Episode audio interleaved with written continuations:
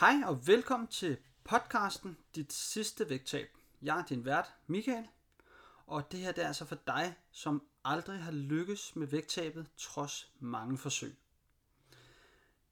Jeg er til hverdag personlig træner i København, og øh, når der ikke er corona, så øh, har jeg min øh, daglige gang i Vesterbronx Gym, hvor jeg har mine klienter.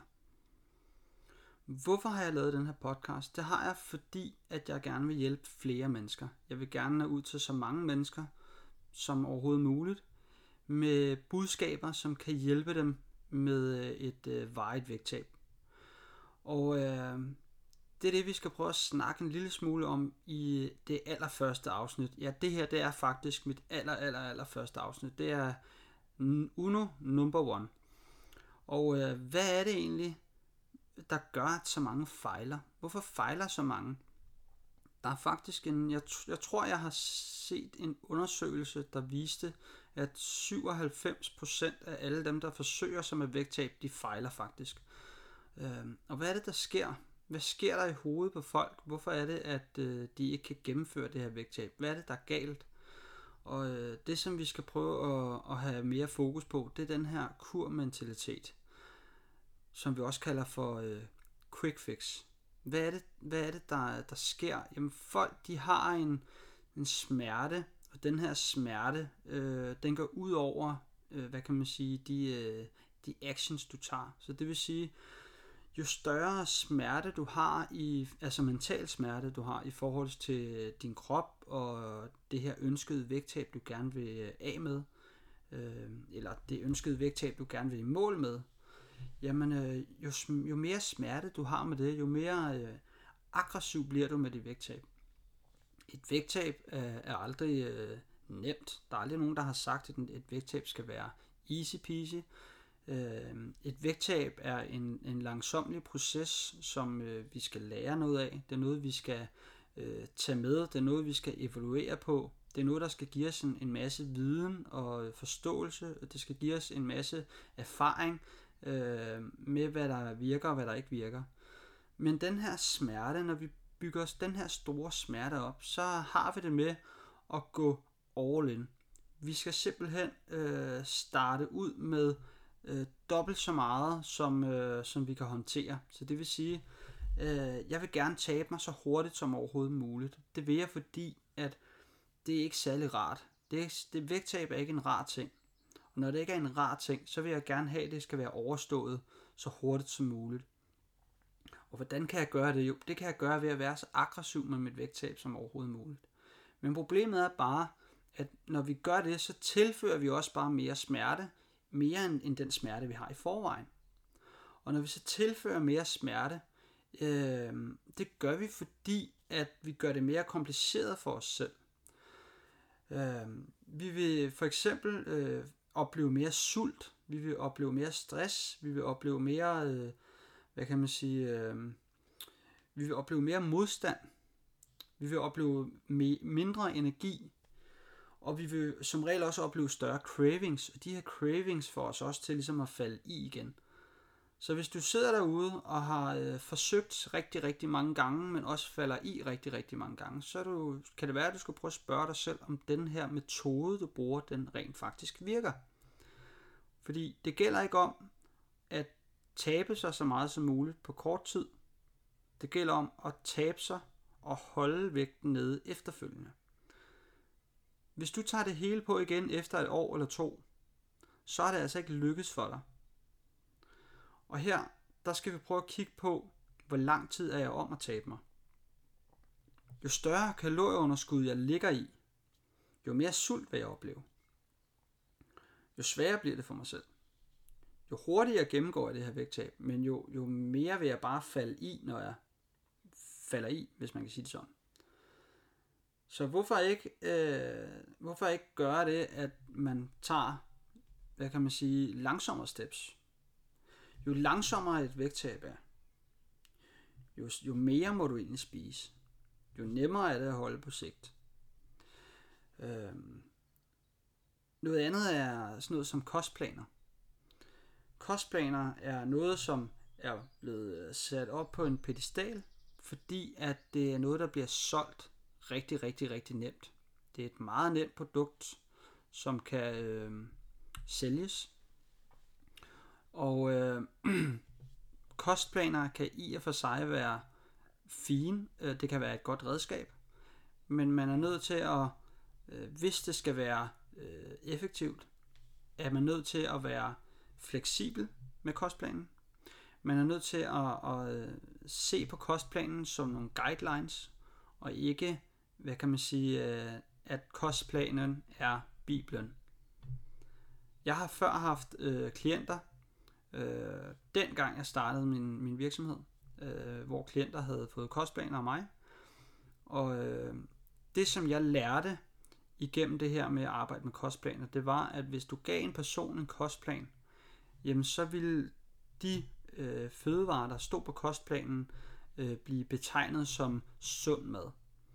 Og øh, hvis øh, personen så spiste noget andet end sund mad, øh, Øh, eller noget andet end hvad der stod på kostplanen, jamen så ville personen øh, tænke, at det hun havde spist, eller han havde spist, er usund mad, fordi det er ikke det, der står på kostplanen. Og her der begynder der så at skabe sådan en, en øh, hvad kan man sige, vi får skabt en eller anden form for overbevisning om, at, at der er noget, der hedder sundt, og noget, der hedder usund mad. Og øh, det kan være et problem, øh, fordi at det skaber en barriere i, øh, i forhold til det mad, som vi gerne vil spise. Øh, og i bund og grund så handler det jo i princippet bare om et øh, kalorieregnstykke, der skal gå op. Så så længe kalorieregnstykket går op, så er, er det i princippet fint. Men en ting er, at der er et simpelt kalorieregnstykke. En anden ting er, at der er en kompliceret adfærd bagved. Og det er det, der som gør, hvad, hvad kan man sige, vægttabet svært. Så hvis du stikker nogen en kostplan, så vil kostplanen være øh, en eller anden form for en restriktiv guideline. Og jo, jo mere restriktiv den her kostplan er, jo sværere er det at øh, være fleksibel. Og jo mindre fleksible vi kan være, jo sværere er det at overholde det her, den her kostplan. Falder vi så fra og spiser noget andet, jamen så vil vi have, øh, så vil vi normalt banke os selv oven hovedet og sige, at hvorfor kan jeg ikke følge den her kostplan? En anden ting, det kan også være, at jo mere restriktivt vi spiser på den her kostplan, jo mere vil vi, hvad kan man sige, crave nogle af de her ting, som ikke står på, på kostplanen. Og jo længere tid vi opbygger de her cravings, det vil sige, jo, jo mere restriktivt du spiser, jo længere tid du gør det, jo større cravings vil du opbygge, og jo mere vil du overspise af de her øh, fødevarer, du craver, når det er, du falder i. Så her kan kostplaner være øh, et redskab, som kan tages i brug. Det kan også godt være et redskab, som spænder ben for dig selv. Så forståelse for vægttab er essentielt for vægttab. Og det er her, at min podcast kommer ind i billedet. Fordi her, i de her afsnit, de næste mange afsnit, som jeg vil lave, der vil jeg smide al min viden, så du kan få et, øh, nogle rigtig, rigtig gode guidelines og nogle rigtig gode redskaber, du kan tage i brug lige med det samme. Så hvis du øh, har problemer med dit vægttab, og øh, har forsøgt mange gange, eller mange gange, men har fejlet rigtig meget, jamen så vil jeg anbefale, at du hopper ind på den her podcast, holder øje med den, abonnerer på den, øh, og så vil jeg smide en masse, masse lækkert, øh, nogle lækre redskaber øh, ind til dig, så, så du kan øh, gennemgå et vægttab øh, med mindre problemer. Øh, og øh, hvis jeg går tilbage til det her med kostplaner, hvorfor er det, at, at kostplaner blandt andet øh, er så svære at overholde? Jo, det er de, fordi at de for det meste er for langt væk fra dine normale spisevaner. Så spisevaner er øh, essentielle for, øh, for vægttab. Fordi vi spiser, når vi ikke tænker over det nogle gange. Og, øh, og det vil sige, at spise er noget, vi gør lidt på automatik. Og derfor er vi nødt til at finde nogle metoder, hvorpå vi kan, hvad kan man sige, ændre vores øh, spiseadfærd. Og det skal, det skal være noget, der ligger lidt tæt op af vores normale spisevaner. Så hvis nu du har nogle specielle spisevaner, og du får en kostplan med alle mulige mærkelige, øh, sjove og helt nye opskrifter, jamen så vil det ligge langt væk fra dit normale, øh, din normale hverdag og dine normale spiserutiner. Og øh, det vil gøre, at du vil have sværere ved at overholde de her ting. Du vil være sværere ved at overholde den her, de her spiserutiner. Det kan være en, øh, en barriere for, hvorfor det er blandt andet kostplaner øh, kan være øh, et, et problem at bruge. Jeg siger ikke, det er, men det kan være. Det vi skal tage med, det er, at kortvarige ændringer, de skaber kortvarige resultater. Og du har sikkert hørt rigtig mange gange det her med, at mm, du skal, øh, hvis du gerne vil tabe dig, så skal du omlægge din livsstil. Du skal øh, gøre noget nyt. Men hvis du starter på en kostplan, og du, øh, lad os sige, du gennemgår et rigtig flot vægttab. Hvad har du lært af kostplanen? Hvad gør du bagefter? Når du er færdig med din kostplan, vil du så, når du stopper med din kostplan igen, hvad vil du så gøre bagefter? Vil du spise efter øh, dine gamle rutiner? Vil du falde tilbage på dine gamle spisevaner? Det ser vi faktisk størstedelen af befolkningen gøre. Så øh, når det kommer til at skabe, øh, hvad kan man sige, langvarige ændringer, altså livsstilsændringer, jamen så er vi nødt til at gå ind og, øh, og skabe langvarige øh, adfærdsændringer. Så kan vi finde en strategi, vi kan øh, arbejde med på længere sigt, så har vi fat i en, i en struktur, som er bedre for dit vægttab, fordi det ikke lader dig falde tilbage, og fordi det ikke lader dig øh, falde i eller overspise. Så øh, et lille take home for den her, for mit allerførste afsnit, det er, at hvis vi skal skabe nogle forandringer, jamen så er vi nødt til at skabe små forandringer. Hvis vi skaber små forandringer, er de nemmere at overholde. Og hvis de er nemmere at overholde, så er det også nemmere at se resultater på sigt. Og jeg vil våge påstå, at hvis du øh, taber en lille bitte smule hele tiden, jamen øh, hvis du ikke tænker for meget over det du gør, og lægger dig i kalorieunderskud, taber dig meget lidt af gangen, men du kan opretholde normal hverdag, du kan fungere rigtig godt på arbejde, øh, du får opbygget dig nogle, nogle rutiner, både nogle spiserutiner, nogle træningsrutiner, øh, du får opbygget nogle rutiner, sådan så at dit, du har noget livskvalitet, og det hele det fungerer, jamen så vil du ikke lægge lige så meget mærke til de her vægttab. Og hvis du bare fortsætter et år, lad os sige, hvis du taber 200 gram om ugen, det er jo ikke særlig meget. De fleste, de fleste når de, hvis de, øh, jeg havde blandt andet en, øh, en samtale med en af mine klienter her den anden dag.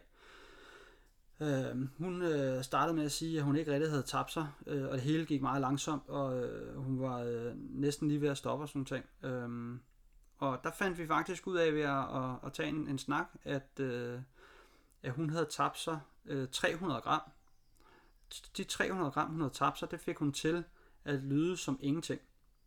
Og det kan måske også godt være, at, at du sidder derude og tænker, det synes jeg heller ikke lyder særlig meget. Men så skal vi også prøve at tænke på, hvor meget vejer personen.